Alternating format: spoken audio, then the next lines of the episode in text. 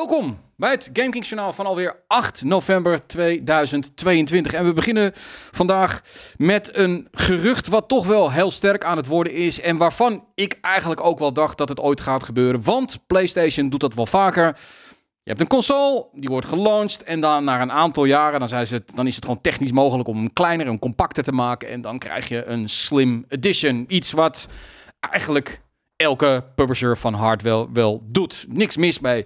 Uh, die PlayStation Slim, of de PlayStation 5 Slim, die zit dus wel ergens in de pijplijn. Uh, zeker omdat het nou zo'n enorm ding is. Dus dat moet misschien kleiner kunnen. En nu gaan de geruchten dat de PlayStation 5 Slim in 2023 moet gaan komen. Of zou gaan komen. Sony zegt natuurlijk helemaal niks hierover. Dat is logisch. Uh, dat soort dingen zijn gewoon bedrijfsgeheim. Dat zullen ze waarschijnlijk bekendmaken op het moment als zij vinden uh, dat het handig is. Dat heeft ook weer te maken met aandelen en dat soort, uh, dat soort zaken. En wie weet weten ze het ook wel niet helemaal of ze het wel of niet moeten gaan doen. En de reden waarom ze de PlayStation 5 Slim in de handel willen gaan brengen, ja, die vind ik eigenlijk best wel interessant. Want normaal is het gewoon eigenlijk zo je hebt een console, die is een paar jaar mee. Dan weet je gewoon dat je hem kleiner gaat maken. En dan is het eigenlijk meer een marketingtruc om in plaats van dat je de hele tijd maar diezelfde console zit te marketen, een, een nieuwere, kleinere, hippere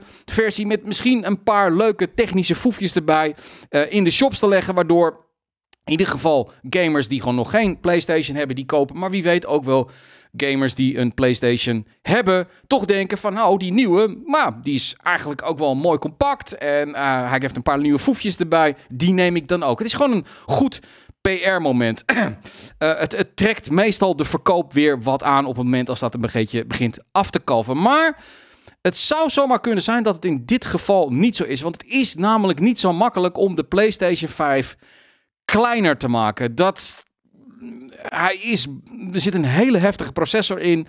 En er moet een koelingssysteem in. Um, heel erg veel kleiner kun je hem dus waarschijnlijk niet maken. En wat is nou de belangrijkste beweegreden van PlayStation om er toch naar te kijken? Dat is dat ze op dit moment aan het kijken zijn, overal binnen het bedrijf, hoe ze kosten kunnen besparen. Dus op het moment als zij bijvoorbeeld een PlayStation maken waarbij die hele leuke flapjes die aan de zijkant zitten er bijvoorbeeld afhalen, waardoor het meer een, een rechthoek wordt. Uh, ze zijn aan het kijken of ze geen standy er meer bij doen als die ligt. Allemaal dat soort dingen, dat ze hem iets compacter en, uh, uh, en met name minder materiaal gebruiken.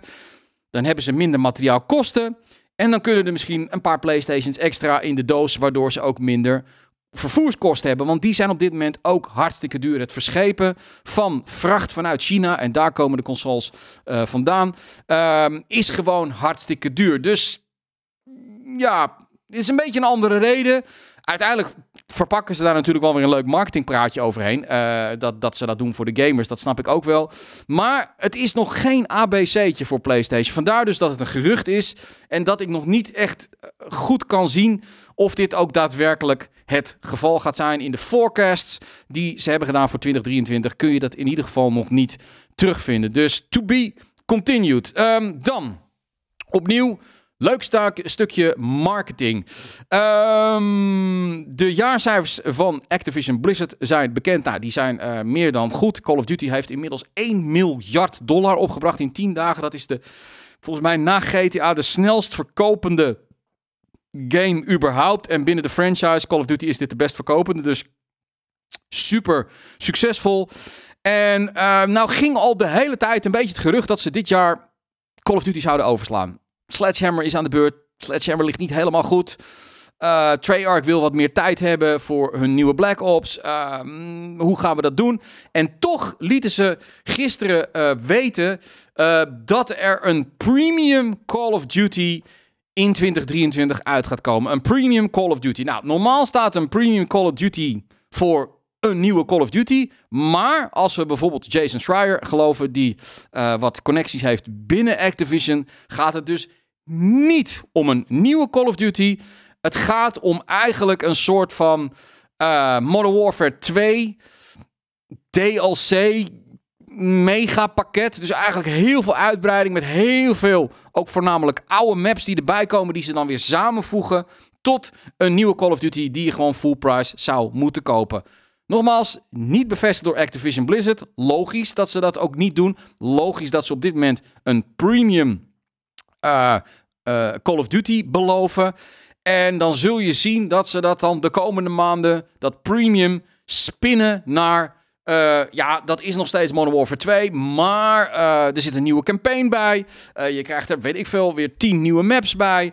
Um, dus dit is een nieuwe Call of Duty. Maar dan gebaseerd op het Modern Warfare 2 universum. En mogelijk dat Sledgehammer daar dus aan meewerkt. Dat ze niet meer uh, het vertrouwen krijgen uh, dat ze zelf op een franchises kunnen bouwen. Hè. Met Vanguard was gewoon een tegenvaller. Modern Warfare 2 gaat keihard omhoog. Volgende week hebben we Warzone erbij. Dus uh, die, die stijgende lijn willen ze vasthouden.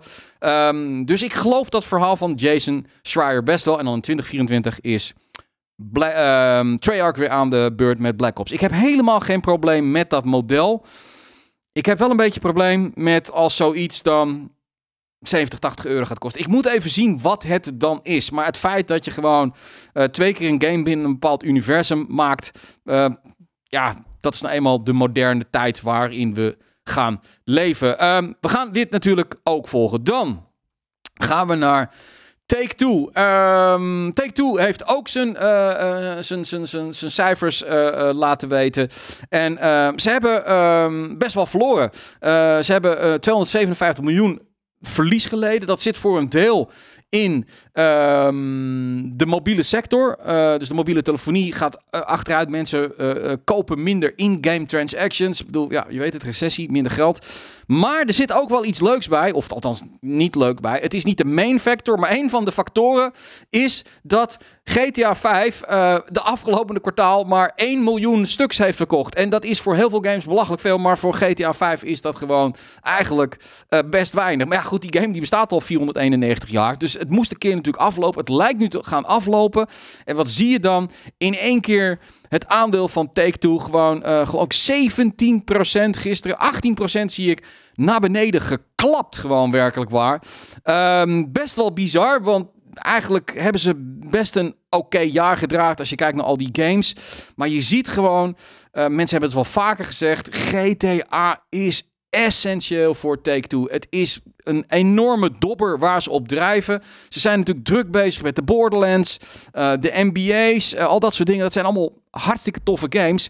Maar dat, het, het schip uh, wat Take-Two is, dat vaart, dat, dat, blijft drijven dankzij GTA. En op, het moment dat dat een beetje wegvalt en de nieuwe GTA nog een aantal jaren op zich laat wachten, dan denken dus veel aanhouders, oké, dan komen de komende jaren niet al te veel goede winstmarges uh, voorbij. Nou, klopt, want Take-Two heeft al aangegeven dat ze voor de vol volgend jaar ook wel zuinig gaan zijn. Ook hier zie je weer, dan zeggen ze recessie, mensen uh, besteden minder. Maar ik denk dat dit ook wel een deel uh, bepaald wordt door een beetje van... oké, maar wat gaat Take-Two dan brengen de komende tijd. Als GTA de komende twee jaar er, niet, er nog niet is. Het is geen Red Dead. Um, zit er een nieuwe Borderlands aan te komen?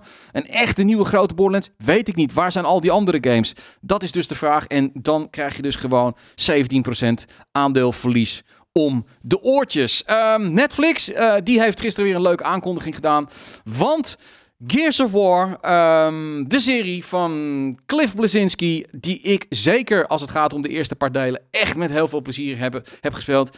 Er komt dus een live-action serie voor Gears of War. Nou, ik ga me in ieder geval uh, inschrijven uh, of ik een van de rollen op me zou kunnen nemen. Dat lijkt me wel hartstikke leuk. Um, het wordt in de samen, samenwerking gedaan met de Coalition, uh, die dus ook gewoon Gears of War maken op dit moment. En ze, sterker nog, Netflix heeft ook gezegd, er komt ook nog eens een keer een geanimeerde more mature serie met Gears of War. Nou, dan hoop ik niet dat, um, dat Gears of War een of ander laf aftreksel wordt. Ik bedoel, dit is gewoon een grote gewelddadige uh, testosteron shooter. Dus laat het ook zomaar zijn. Maar uh, deze rol zou ik precies kunnen spelen. Ik heb alleen geen baardgroei. Maar Anyway, uh, ik ben heel benieuwd of dit ook daadwerkelijk gaat werken bij Netflix. Uh, maar ja, het is ook een beetje op safe spelen. Hè? Ik bedoel, games en series op dit moment is dat best wel hot. kijk naar The Witcher. Kijk naar Cyberpunk. Ehm, dat scoort gewoon heel erg goed. En de synergie tussen serie en dan weer terug naar de game werkt ook heel erg tof.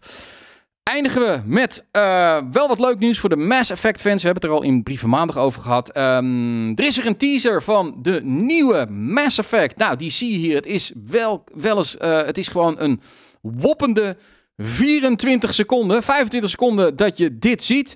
En er zitten wel wat um, inside information in, zegt uh, BioWare. Nou, een van de dingen die ze vinden is dat er een datum bij staat. Volgens mensen onderin, je ziet zo'n klokje lopen. Um, 11 07 21 90 en dat zou dan weer vier jaar zijn na Mass Effect 3. En dan zijn mensen een beetje aan het speculeren. Komen ze dan een beetje terug op het einde? Gaan ze er toch nog iets aan breien? Gaan ze toch nog wat meer informatie geven over wat mensen niet leuk vonden? En waar mensen zich van afvragen hoe dat is afgelopen? Het zou zomaar kunnen. Um, ja, nee, kijk, ik vind het leuk, dit soort teasers. Ik bedoel, het houdt in ieder geval de franchise een beetje warm. En ik denk dat we hier met z'n allen echt wel weer zitten te wachten op een goede Mass Effect game. Um, maar goed, al te veel kun je hier ook natuurlijk niet uit opmaken. Goed, um, dat was hem. Het GK-journaal van uh, vandaag. Mocht je nog bij de Premium Party willen zijn in Blast Galaxy aanstaande donderdag vanaf 6 uur. Dan ben je van harte welkom als je premium lid bent. Uh, dan kun je gratis gewoon naar binnen. Mail dan gewoon even naar redactie.gamekings.tv en dan zet ik je gewoon op de gastenlijst. En uh, meerdere GameKings zijn erbij. Er wordt gedraaid door hen. Het wordt gewoon gezellig, biertje erbij.